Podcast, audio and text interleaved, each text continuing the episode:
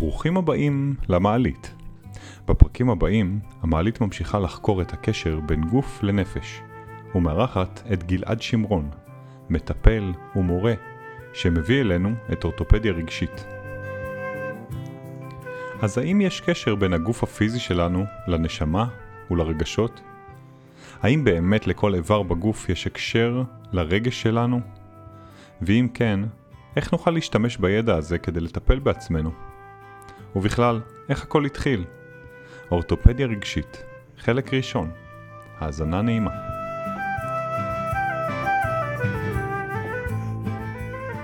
אה, טוב, בוקר טוב. יאללה. שלום גלעד. בוקר טוב. איזה כיף שאתה פה, באת מרחוק.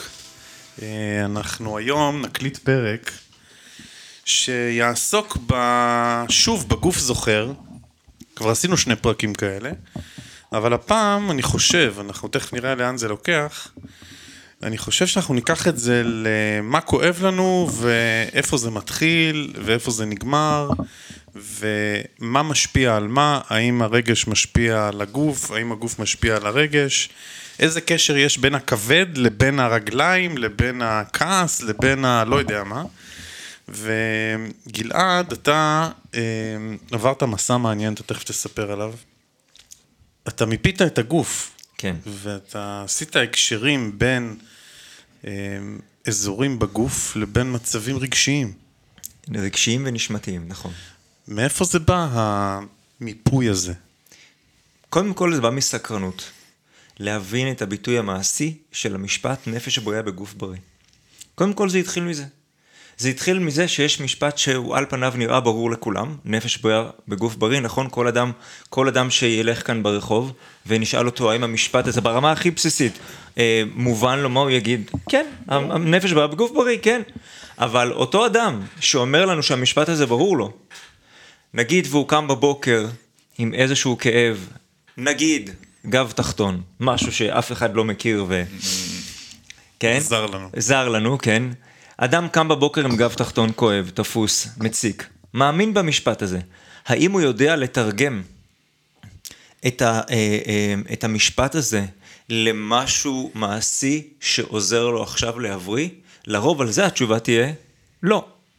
אנשים מצד אחד מבינים שהמשפט הזה נכון, basically, נפש בריאה בגוף בריא, אוקיי, ברור, אה, כבר נעשו על זה גם מחקרים, ש, ש, שאיך הדברים משפיעים אחד על השני, בסדר גמור, אבל, אבל איך זה מבוטא בהיבט המעשי של הדבר בחיים שלנו, מעט מאוד אנשים יודעים לתרגם את זה. מה שאתה אומר, זה שאם כואב לי נגיד הגב התחתון, רוב האנשים לא עושים רגע עצירה וחושבים, רגע, כואב לי הגב, איך זה קשור לרגשות שלי, למה אני מרגיש בתקופה הזאת, למה עובר עליי, להאם אני דואג, להאם אני מספיק שמח, להאם אני מספיק אוהב, להאם אני מספיק...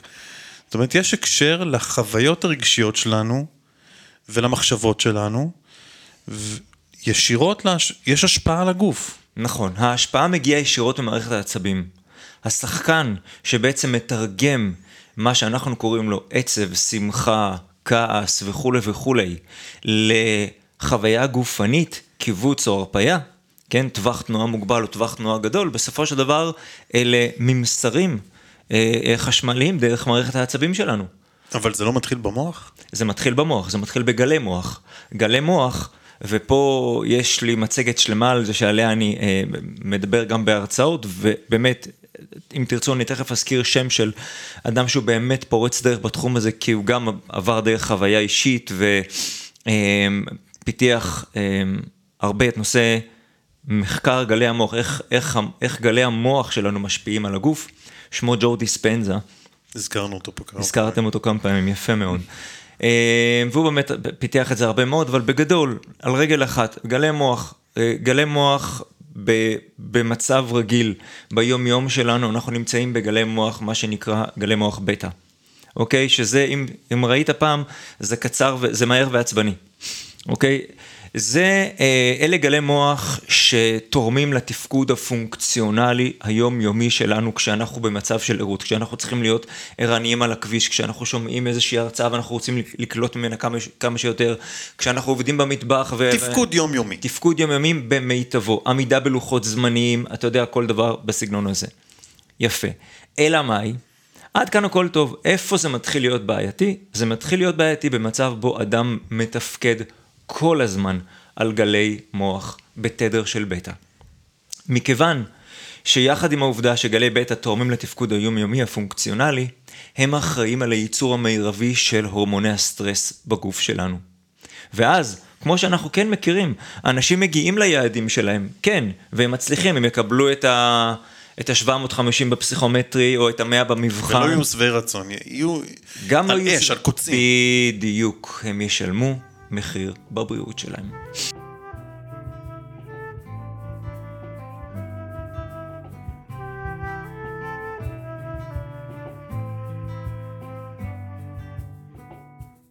ואת רגע, ה... לפני, עוד לפני הקטע הבריאותי, יש פה הורמונים של סטרס שמופרשים, שיוצרים איזושהי דלקת, איזה מתח בגוף, ואז מה קורה?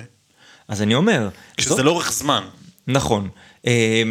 כשמדובר, בסופ, בסופו של דבר, מדובר בהרגלים. הרגלים מסוג אחד יובילו בן אדם לתוצאות X, הרגלים מסוג אה, אה, Y יובילו בן אדם לתוצאה אה, אחרת. את זה צריך להבין. בסופו של דבר, אני, אני מגדיר את זה, אני קורא לזה הרגלים מנצחים.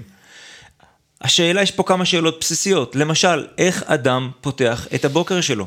מה הוא שם לפני מה? האם הוא שם, קודם כל, את העבודה שלו ואת העולם החיצוני לפני העולם הפנימי? מה, מה לפני מה? האם אתה רותם את העגלה לפני הסוסים? בעיניי, מהיום שהתחלתי לחקור את, ה, את הדינמיקה בין הגוף לנפש, את ההקשרים בין מחלות לבין אה, ההיבט הפסיכוסומטי, הבנתי שהדבר הראשון כשמדובר בלקיחת אחריות, זה לשים את הבריאות הנפשית שלי במקום הראשון, לפני הכל, מהסיבה הפשוטה, כשאני מרגיש טוב, אני יכול לתפקד הלאה. ולכן, כמו כל דבר אחר, הד- הדבר הראשון המדיד הוא איך אדם פותח את הבוקר. אתה יודע, באו לאושו פעם ושאלו אותו, שאלו את אושו, תגיד, למה חשוב לעשות מדיטציה דווקא בבוקר? מה, אי אפשר לעשות בצהריים, בערב? הוא ענה להם תשובה כל כך פשוטה, כל כך יפה, הוא אמר להם, תגידו, כש... אמ, כשתזמורת עולה לבמה לפני קונצרט, מתי הם עושים את הכיוון של הכלים? בסוף הקונצרט או באמצע הקונצרט? או בהתחלה שלו? יפה. אותו דבר, אנחנו עושים את הכוונון של המיתרים שלנו בתחילת היום. כדי, אפשר לעצור גם באמצע ובסוף היום, איך אומרים, הרי כי טוב. אבל לכוונן את, ה- את המיתרים שלנו, בדיוק כמו תזמורת, כוונן את הכלי שלך בבוקר. זה ישנה את הכל. תגיד, העניין הזה... אני, אני רוצה רגע, גלעד הרי הגיע לפה, וכהרגלנו גלעד עלה לגליל. גלעד עלה לגליל, וכהרגלנו בקודש, כהרגלנו והרגלו בקודש, שמע אותנו מנגנים, נכון, לפני הפודקאסט. וכיוונו את הכלים שלנו לפני, דני, כאילו, נכון, לא היינו. חושבים להתחיל לנגן פה. מדהים, זו דוגמה לפני יפה. שניגענו. ו... ו... וואלה, אני כלי. ואני צריך להיות אה, מכוון היטב. מכוונן. אז זה לגמרי. די- זה- אז זה- מה שאתה מציע לנו זה זה אחלה בעצם... דימוי, אני אוהב אותו ממש. אתה מציע לנו לפתוח את היום, אני פחות מתחבר לנושא של מדיטציה, בינתיים. אני נמצא בשיחה. דני, מה שלומך הבוקר? קם בבוקר ומנסה להבין מה איתי, מה איתי, מה איתי. כאילו, מה קורה איתי? אתמול קמתי בבוקר, היה לי איזה מין כאב פה מאחורה. נכנסתי למשרד, יש לי משרד שם בקמון, איפה שאני גר. והתחלתי בעבודות היום-יום, ואני יודע שמשהו לא יושב עליי. אנרגיה, לא יודע איך לקרוא לזה. אמרתי, רגע, אולי אני צריך לעשות בדיקות דם, אולי אני, יש לי לחץ דם, אולי אני אוכל... אני בדיון עם הדבר הזה, ואז נסעתי למג'ד אל-כרום, יש לי שם אה, לקוח חדש, ותוך כדי הפגישה אני מרגיש איך כל הכאב ראש הזה פשוט נמוג, נעלם. אמרתי, דני, מה העניינים? אולי אתה, יש לך משהו במשרד שעושה לך איזה כזה, איזה מתח כזה, אולי אתה צריך לשחרר את זה, אולי אתה צריך לצאת יותר, אולי משהו צריך להשתנות. זו תובנה שהייתה אתמול. אז טוב, אני נותן את זה כדוגמה לדיון שלי עם עצמי. כמה מאיתנו נמצאים בדיון על מה קורה לי? כואב לי הראש, מה זה אומר לי? כואבת לי הרגל, כואבת לי הברך. עכשיו, אני חוזר ורוצה לשאול אותך על המפה. אני, מה שתפס אותי ועדיין תופס אותי, ואמרתי לך, תביא לפה מפה. לפני שבכלל עלה הרעיון הזה שאתה תבוא לפה, אמרתי ליניב, תגיד, יש לך איזה מפה של הגוף, ש... אתה מכיר משהו? הוא אמר לי, דני אורתופדיה רגשית. נכנסתי לאתר שלך, יש את המפה. אה, אין אותה. זאת אומרת. אתה אומר, רק מי שבא ללמוד את הדבר הזה לעומק. ורוצה להתעמק במה זה אומר, אני לא נותן את זה לכל אחד. אני רוצה שאנשים יעברו תהליך מטפלים, כדי שידעו לעבוד עם הכלי הזה. אז אני רוצה פה, אנחנו רוצים, כן. במפגש שלנו פה, שתיתן לנו in a nutshell, כן את ההקשרים בין אם כואב לי הראש, מה זה אומר, אם לי, כואבות לי הברכיים, מה זה אומר, אם כואב לי הבטן, מה זה אומר, קשה לי לנשום, מה זה אומר. בדיוק, ואני אני רציתי להגיד, אתם דיברתם כבר קודם, נכנסתם מאוד לעומק של, ה, של הקשר בין הגוף לנפש, ואני חושב שבאמת השיח, ה, ה, השיח ה, ה, האנושי של בני אדם על קשר גוף נפש, הוא הולך ומתפתח. זאת אומרת, נכון. היום יש יותר אנשים שיודעים את הקשר, גם אני יודע, אנחנו יודעים, אנחנו מדברים על זה מן הסתם. נורא מעניין אותי האיך גם, זאת אומרת, זה שאני יודע שכואב לי הגב התחתון זה קשור ל... אה, לחצים, לעבודה, לתעסוקה, לביטחון, לכאלה. כסף, אני, אני כסף. יודע, לכסף. מה אני עושה? מה אני עושה? זה, זה, אם, אם ישר אני אנחנו רוצה לתקן את זה. נצליח לפצח פה איזה קוד כזה של, לאדם הרגיל.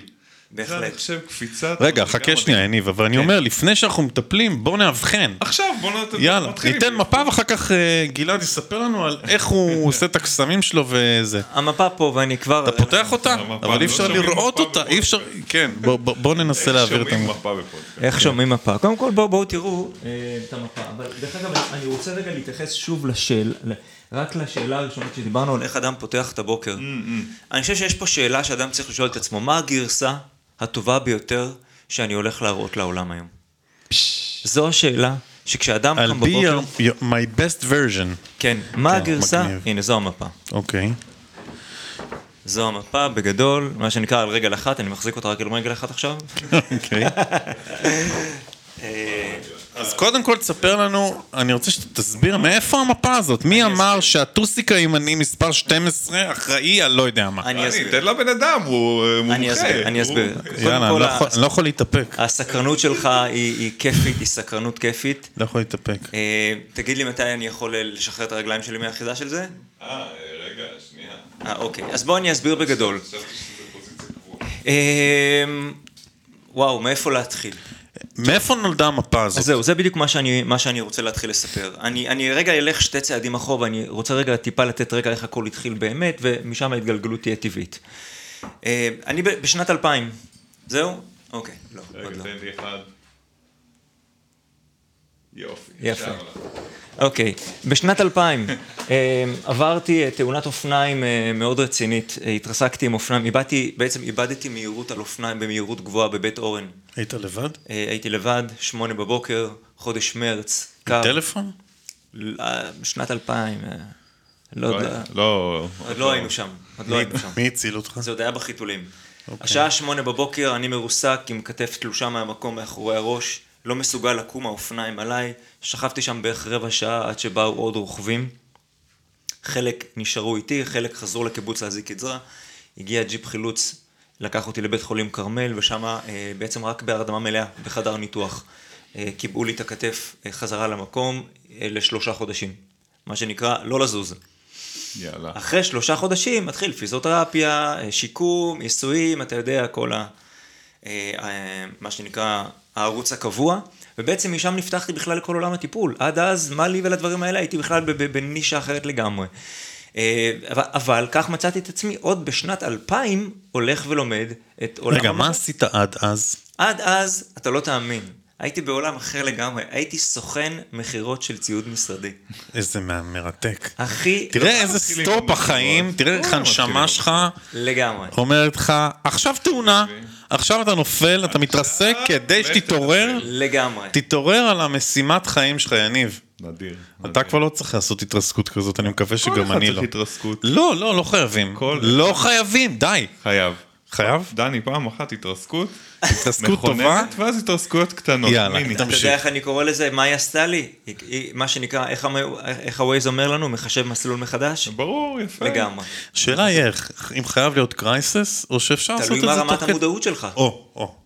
אוקיי, אני ממשיך מאותה נקודה. תמשיך, כן. רגע, הבן אדם מרוסק באיכילוב עכשיו, כן. איפה היית? כן, הנה, ככה ג'ו דיספנזה על אותו משקל, אתה יודע, עבר תאונת אופניים מאוד מאוד קשה כן. אי אז בשנת 84 או 86.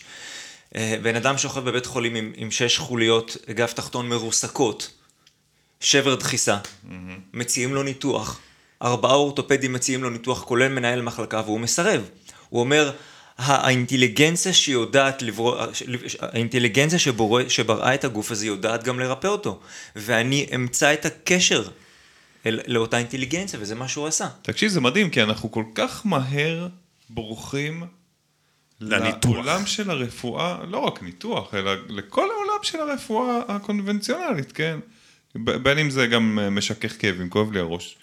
אני רץ לשם מהר, אני, אני, יניב, אני רץ לשם מהר. כן, ו- אתה לוקח? וכמה אנשים, כן, ואני חושב שזה המנגנון הטבעי, הרי אה, אנחנו מדברים פה גם בתוך קונטקסט של עולם אה, שיש בו מנגנוני דחיפה מאוד רציניים של, של מערכת בריאות. אל תסבול, בוא ניתן לך תרופה, אל תסבול, רק אל תסבול. אל תסבול. ו... ו... ו... למה אני אומר את זה עכשיו? כי, כי אתה בתוך איזשהו מהלך של לתאר את הריפוי הטבעי, אבל אני מכניס פה עוד כאילו משקל על העגלה הזאת של היכולת של בן אדם לרפא את עצמו, וזו ההצעה המאוד זריזה. קח משכך כאבים, בוא תעשה ניתוח, בואי תעשה זירוז לידה, בואי, בוא נעשה את זה בקיסרי, בוא, כאילו, זה עוד קול שהוא בתוך הראש, ועכשיו... קוראים לזה רפואת יתר. אתה- יודע, אתה יודע. דיפק צ'ופרה, מיודענו, רגע, רגע, היית בזה, בחדר הניתוח. אני רוצה לשמוע על. המפה, אנחנו בהקשר למפה. אנחנו, פה בכמה ערוצים והכל מתחבר כן, בסופו של דבר. הדבר. הזה שנקרא אורתופדיה רגשית, הכל בסדר. הכל מחובר. התחלנו משם. רק, רק בנגיעה, דיפק צ'ופרה בספר שלו אה, ריפוי קוונטי, יש שם, יש שם ציטטה מדהימה, שהוא מדמה את הגוף שלנו לבית מרקחת מהלך. הוא, הוא בעצם בא ואומר, חבר'ה, הגוף שלנו אה, יודע לייצר את כל החומרים שאתם לוקחים סינתטית מבחוץ, אה, אורגנית, ביולוגית, לבד, במינונים הנכונים. לבד. בדיוק. כל, ומה נשאר לכם לעשות כדי שהוא ימשיך לתפקד ככה עד 120? פשוט להוריד את רמת הסטרס. ואז השאר פשוט כבר יקרה מעצמו. אז זה לשאלתך, באופן כללי אני לא נגד תרופות, נגיע לזה בהמשך. אה, וכך יצא שכבר בשנת 2000 הלכתי אה, ללמוד עיסוי, בהמלצת המטפל שלי. אחרי- במדע. אחרי השיקום אחרי- מהפציעה. אחרי השיקום, נכון, נכון מאוד. אה, למה? רצית, מה רצית? לא, פשוט מאוד, מי שאז טיפל בי במגע, פשוט אמר לי, גלעד, יש לי הרגשה שיש לך את זה בידיים. ככה, הכי פשוט. ואני אמרתי, אני? אני אהיה מטפל? פח, אין מצב. אבל אתה יודע מה, יאללה, בוא נלך לשיעור דוגמה, מה יכול להיות? אמיתי, ככה, ככה, בדיוק ככה זה היה. האגו. איש ו- מכירות, הוא מדבר אה, תכלס. כן, אבל גם אז עוד הייתי מנותק לגמרי מהעולם הזה. אתה יודע, אימא שלי. אז, אה, אימא שלי כבר אז כבר התעוררה וניסתה לדחוף לי ספרים, אמרתי לו, אוי, את עם הרוחניות שלך, יאללה כבר די. אתה יודע, ואז קיבלתי בהפוכה, מה שנקרא. בכל אופן, אה, בעצם בשנת 2000, באמצע, אלפ- בשנה- באמצע שנת 2000, הלכתי ללמוד עיסוי. אה, שנה שלמה, לימודים מאוד אינטנסיביים, כמה פעמים בשבוע, כולל אנטומיה ופיזיולוגיה וארומותרפיה וכולי וכולי וכולי. אה, אני מטפל במגע בהרבה מאוד סגנונות אה, טיפול כבר מ-2001. ב-2007 לקחתי עוד קורס של שיקום מפציעות אורתופדיות. זה קורס למטפלים בלבד, מטפלים שלא צריך עכשיו להתחיל, אתה יודע, ללמד אותם את כל האנטומיה ופיזיולוגיה, אלא פשוט כבר לקפוץ למים. קורס קצר יחסית, שלושה חודשים בסך הכל, שנותן הרבה מאוד כלים איך לטפל בפציעות אורתופדיות ולהחזיר אה, אה, ספורטאים לתהליכי שיקום כמה שיותר מהירים, לתפקוד מקסימלי. קורס שהלכתי עליו, אתה נתן לי הרבה... מטפל היום בספורטאים? בוודאי. קורס שהלכתי כן, עליו... אבל עזוב, זה לא מעניין אותי. לא, אני, אני מעניין מחבר אותי- לך את זה לעולם. יאללה, למפה, מפה. אני מחבר לך את זה למפה. בין השאר עבדתי גם בקופת חולים אה, אה, כללית ברפואה משלימה וכולי וכולי, ואז בעצם מה אתה רואה? אתה רואה את הפער.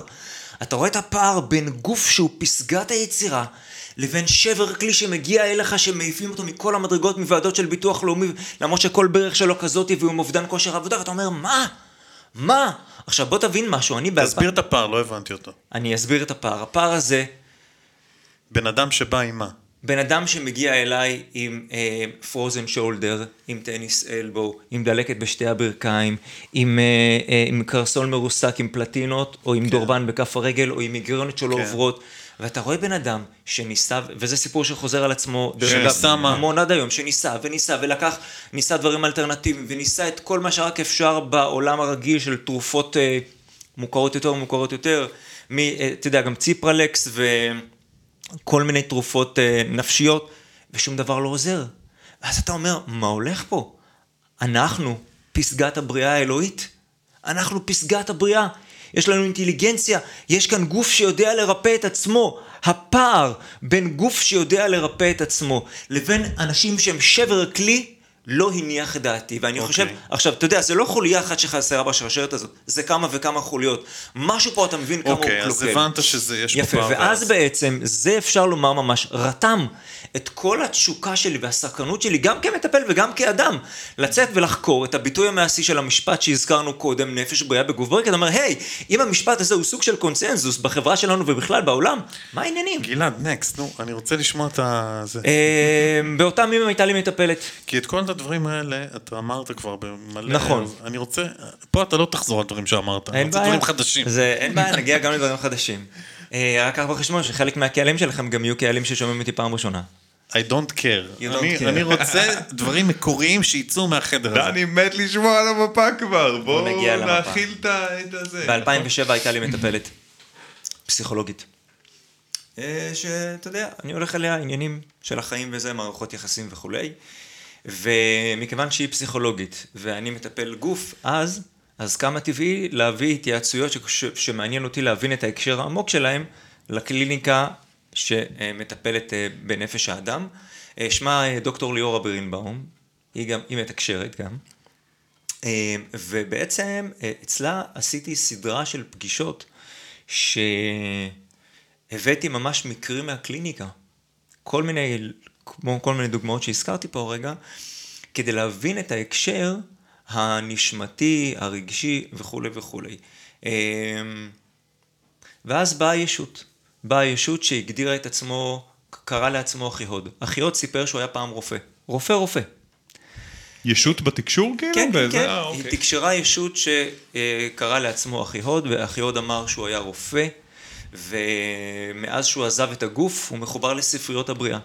ואת כל התשובות לשאלות שלנו, של המשמעויות הרגשיות, הוא מביא לנו הישר מספריות אה, הבריאה. עכשיו, זה עלול להישמע מאוד מופשט לכאורה. אני שואל שאלה והיא מתקשרת תשובה.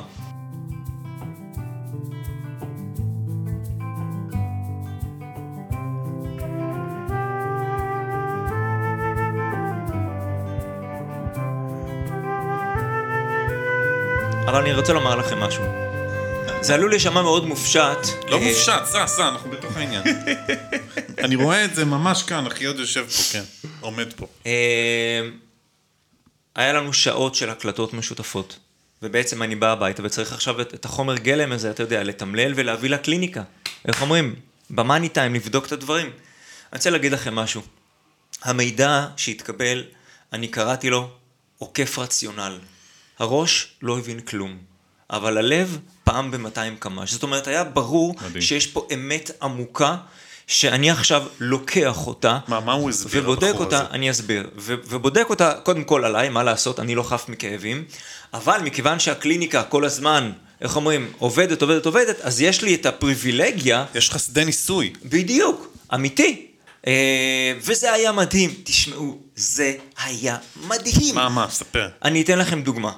אה, על מה ניתן דוגמה? על מה ניתן דוגמה? בואו ניתן דוגמה על משהו שכן אנשים מתמודדים איתו הרבה, וזה דווקא דורבן, בעיות בכפות רגליים.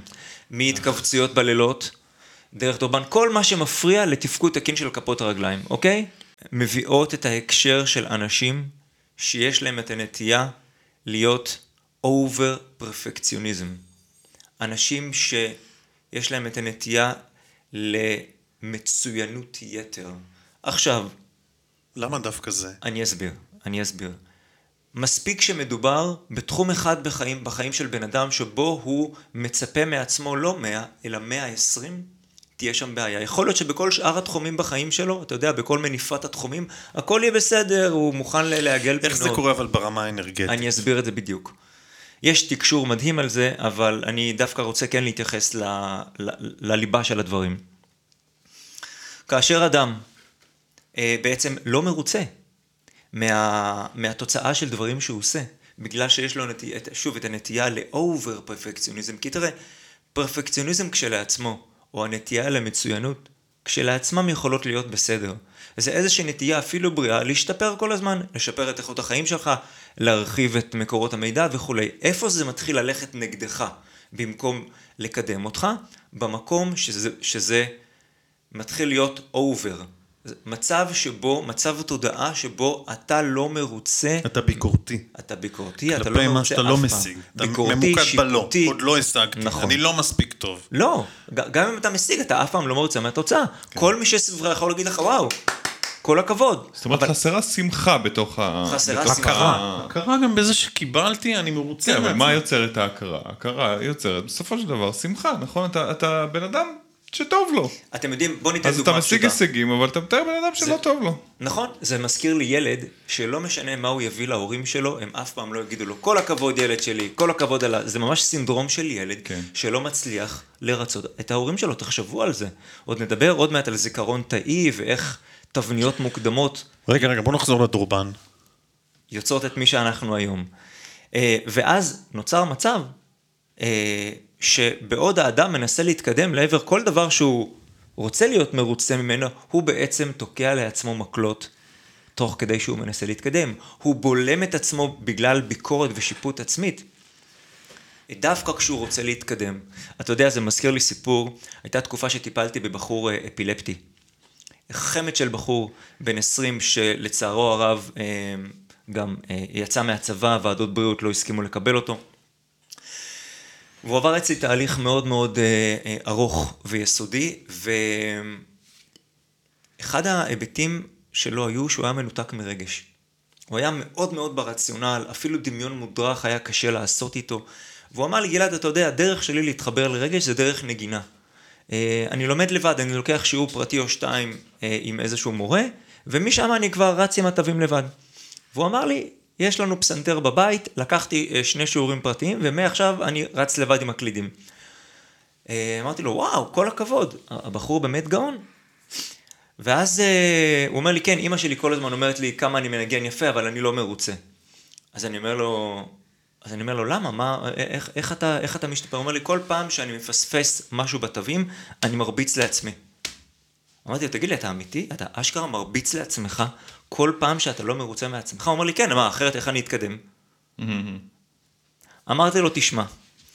עצור, עצור. עצור, בדיוק. אמרתי לו, תשמע, בוא נגיד ומביאים אליך עכשיו ילד בכיתה ג' לשיעורי חיזוק במתמטיקה, בסדר?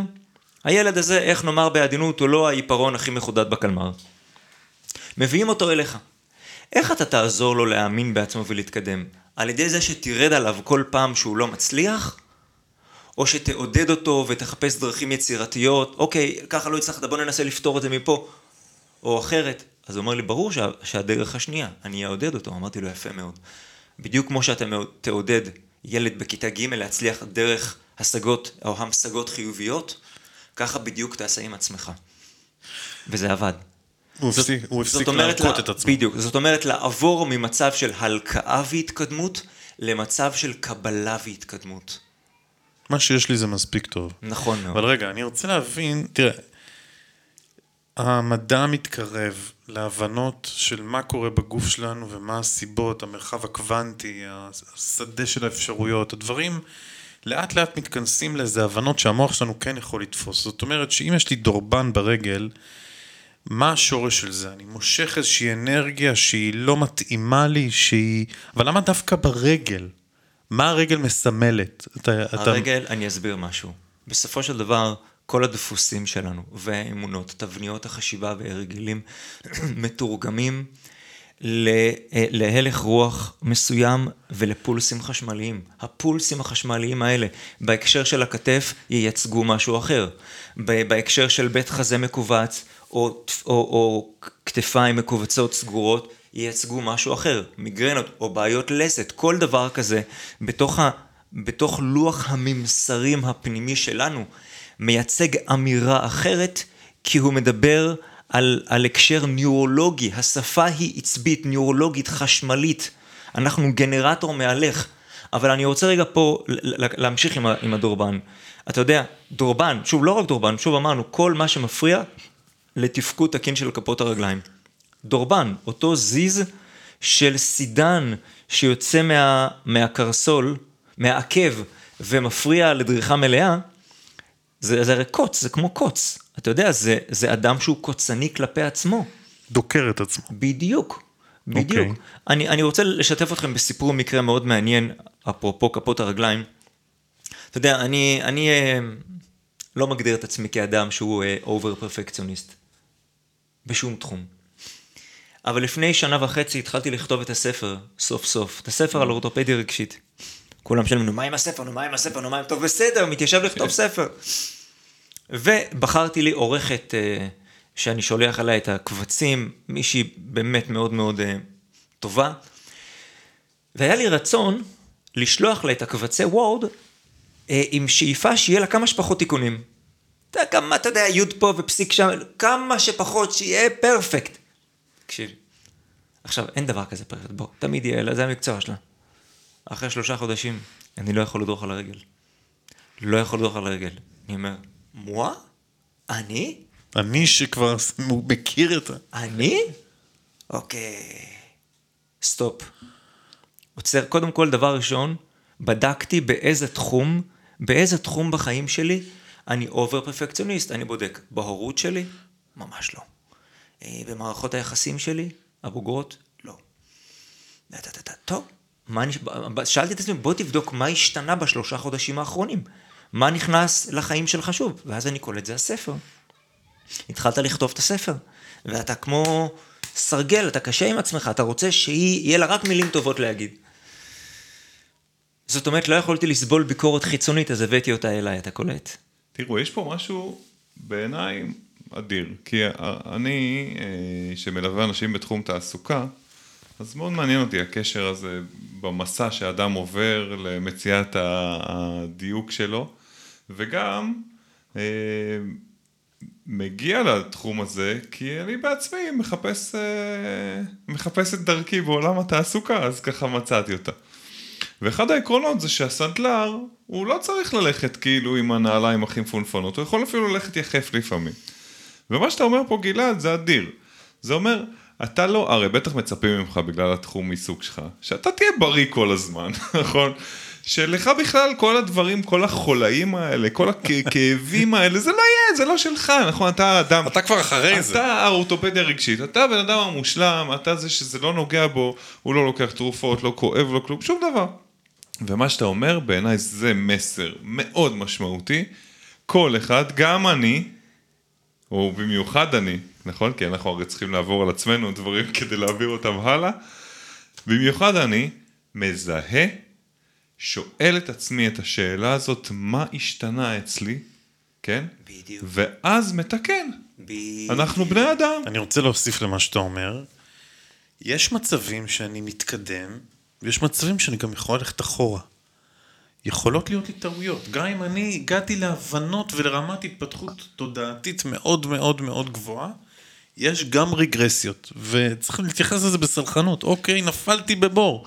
אני, ככל שאני יכול לצאת ממנו יותר מהר, רגע, מה השאלה, טוב. השאלה אם פילוסופית, אם זה בכלל רגרסיה, או שזה משהו שנועד, כמו הנפילה של גלעד באופניים, כדי שהוא יישב פה היום. עד כאן החלק הראשון של אורתופדיה רגשית, בה אנחנו מארחים את גלעד שמרון, מטפל ומורה. מוזמנים להצטרף אלינו גם לחלקים הבאים והמרתקים. אורתופדיה רגשית, במעלית. נשמח לתגובות, תובנות ואפילו ירידות באתר האינטרנט שלנו. חפשו בגוגל המעלית עם יניב אדרי ודני גולן.